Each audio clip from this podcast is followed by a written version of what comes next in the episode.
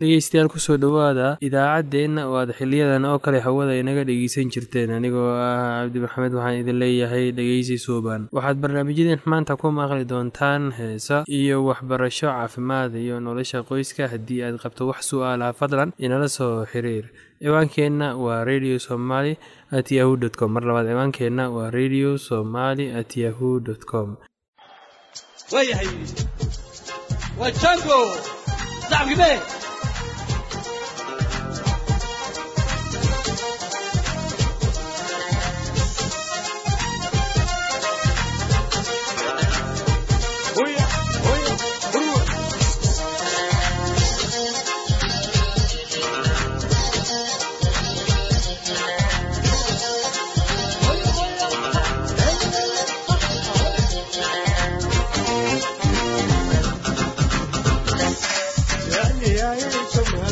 Yeah.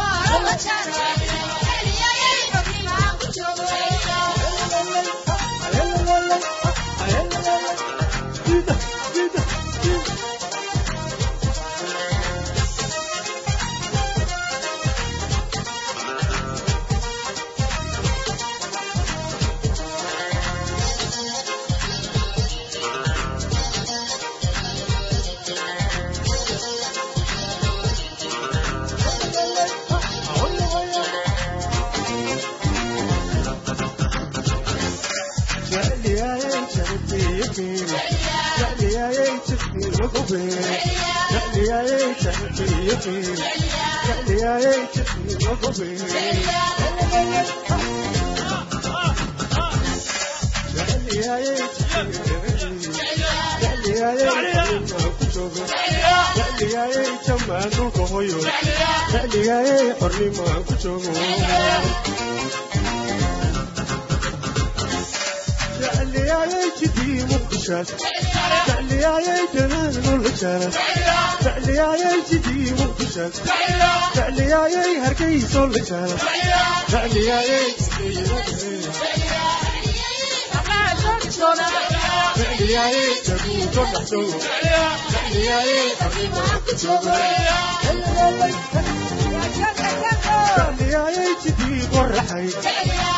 فعلياي جبوت الجرس فعلياي جدي برحي فعلياي ورير الجرس فعلياي جبوت الحسوم فعلياي حريم الكتب فعلياي هرقيس الحسوم فعلياي حريم الكتب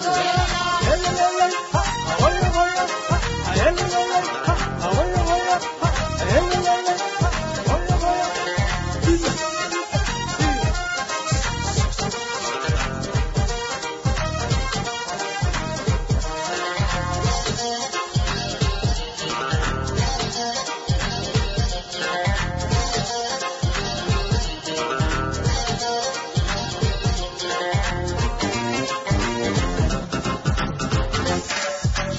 dacdiyayey jawaan dhulka hooyo dacdiyayey xornib aan ku joogo dacdiyayey jawaan dhulka hooyo dacdiyayey xornib aan ku joogo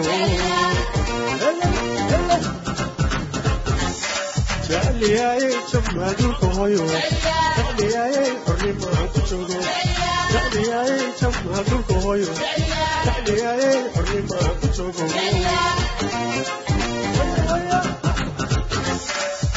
jecliyaaye jijiga dhagaxuun jecliyaaye hargeyso la jaro jecliyaaye jijiga dhagaxuun jecliyaaye laasxano dhexdood jecliyaaye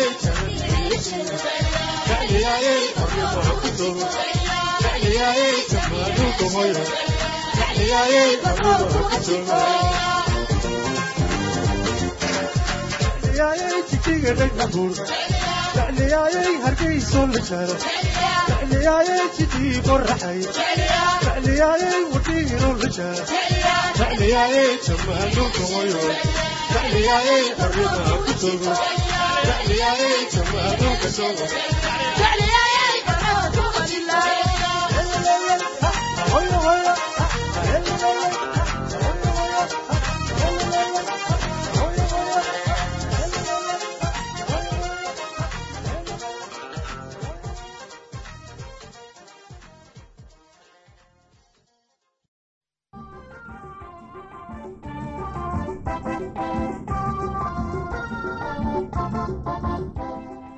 dhegeystayaasheena qiimaha iyo qadirintu mudano waxaad ku soo dhowaataan barnaamijkeenii taxanaha ee caafimaadka ahaa ee ku saabsanaa aidiska haddaba dadka qaba h i v-ga ama aidiska qaarkood waxay u maleeyaan in dadka kale iyaga ka hadlayaan ama fiirinayaan. Shakigan ku dhashay awgiis waxay rabaan inay isqariyaan mararka qaarkood waxay dareemayaan in la takoorayo ama iyaga ayaa istakooraya. Mararka qaarkood waxay dareemayaan inay dembiilayaal yihiin. Haddaad qabto h i v ama idis ha qarsan. Isku day intaadan niyadda iska jebin haddii dadka adiga ka hadlayaan. Bulshada u muuji firfircooni. Haddaad firfircoonaatid waxaad tusaysaa caalamka in dadka qaba h i v-ga ama idiska inay yihiin xubno qiimo ku leh bulshada sida dadka kale. Haddii h i v ama idis aada qabto waxaa ku dadaashaa inaad naftaada u roonaato islana weynaato. Weli adiga ayaa tahay weli muhiim ayaadna tahay.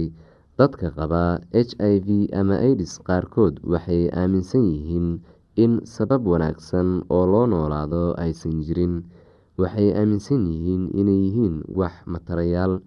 Mararka qaarkood guriga kama baxaan iyagoo wax cunayn qofna la hadlayn.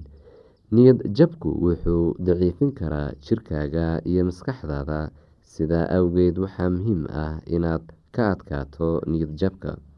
Haddaad qabto h i v ama idis ha isdhibin gasho dharkaaga kan ugu wanaagsan saaxiibadaada soo booqo ismashquuli samee waxyaabo dadka kale anfacaya ka fikir ubadkaaga oo weli kuu baahan. Takhaatiirtu waa ku caawimi karaan haddii niyadjab weyn ku hayo. Inaad dhakhtar u tagto ha ka shakin haddii niyadjab dheeraad ah ku hayo. Waqti kadib dadka h i v-ga ama idiska qaba badankood waa aqbalaan marxaladda ay ku jiraan arrintani waxay caawineysaa inta badan deganaansho inta badan waxay dareemaan inay ka fikiraan sida ugu wanaagsan oo ay u noolaan lahaayeen. Waxay ka fikiraan maxaan sameyn karaa oo wanaagsan inta noloshayda iga hartay? Cunadee cunaa oo caawimi karta si aan u helo saxo wanaagsan. Qorshe maxaan sameeyaa si caruurtayda mustaqbalka ay u helaan mustaqbal fiican oo iyaga anfaca. Waxay kaloo ka fikiraan aan ahaado mid ruux walba mahad u haya oo qiimeeya saaxiibadayda iyo qoyskayga dadka h i v-ga ama idiska qaba waxay yeelan karaan rajo la xiriirta waxyaabo badan. Rajo ah inay noolaan karaan muddo dheer. Rajo ah inay saynisyahanadu heli doonaan daawo. Rajo ah inay caruurtoodu saxo fiican heli doonaan. Rajo ah in takhtarku kari doono inuu daaweeyo xanuunkooda hadba sida uu qabto.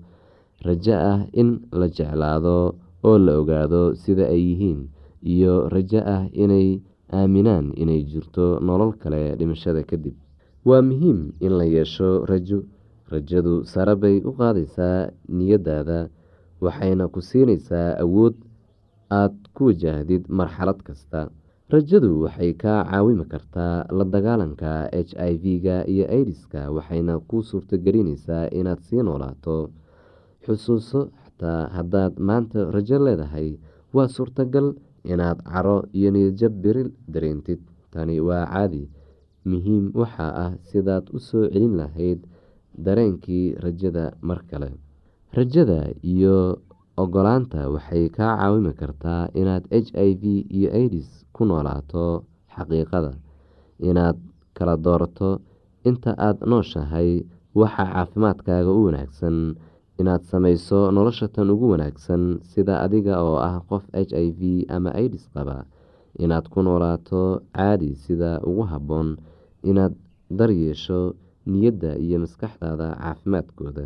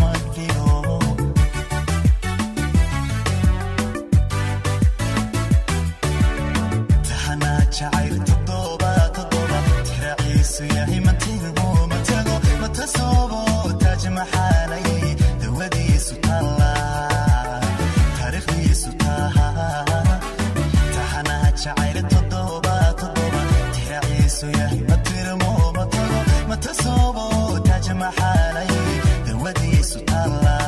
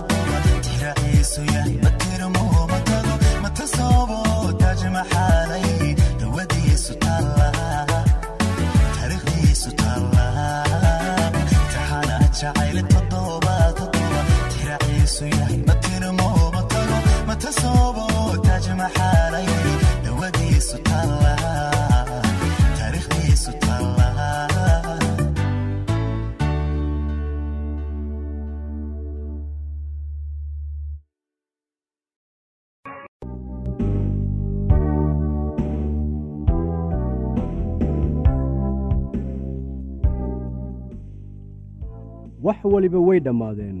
Qofkii aad wada joogteen maanta waxa uu doonayaa inuu qof kale la joogo. Miinadii kol hore ayaa la riday oo ay qaraxday. Haddaba maxaad samayn? Shantan siyaabood keebaad dooran. Ta koowaad inaad jilbad jabsato oo aad tuugto qofkii aad wada joogteen oo aad weyddiiso inuu dib kugu soo laabto.